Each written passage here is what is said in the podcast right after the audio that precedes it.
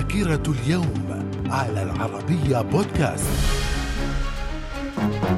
أهلا بكم إلى ذاكرة اليوم السادس عشر من ديسمبر. ففي العام 1899 تأسس نادي إي سي ميلان الإيطالي على يد الإنجليزي هربرت كيلبن. في العام 1916 اغتيال الراهب الروسي غريغوري راسبوتين على يد النبلاء الروس الذين كانوا يتوقون لإنهاء تأثيره على العائلة المالكة. وفي العام 1900 1969 البرلمان البريطاني يصوت بأغلبية كبيرة لصالح إلغاء عقوبة الإعدام في حالة جرائم القتل. من الذاكرة. ومن ذاكرة اليوم السادس عشر من ديسمبر في العام 1971 البحرين تعلن استقلالها عن المملكة المتحدة وذلك بعد 110 سنوات من الاحتلال البريطاني. وفي العام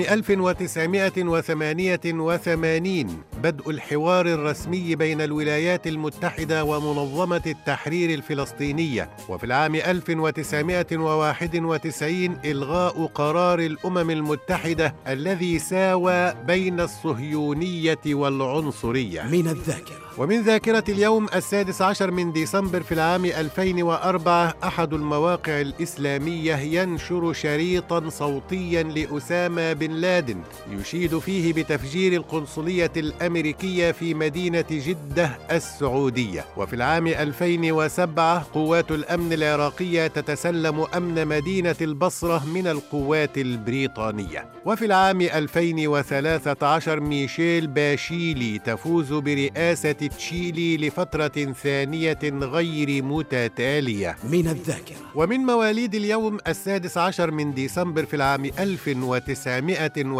1929 محمد سالم ولد عدود عالم وفقيه ولغوي وشاعر موريتاني. وفي العام 1965 ولدت ليلى بقدونس الممثلة السورية. من الذاكرة. ومن وفيات اليوم السادس عشر من ديسمبر في العام 1965 سومرست مام الكاتب الإنجليزي. وفي العام 2005 محمود المسعدي الكاتب التونسي. من الذاكرة.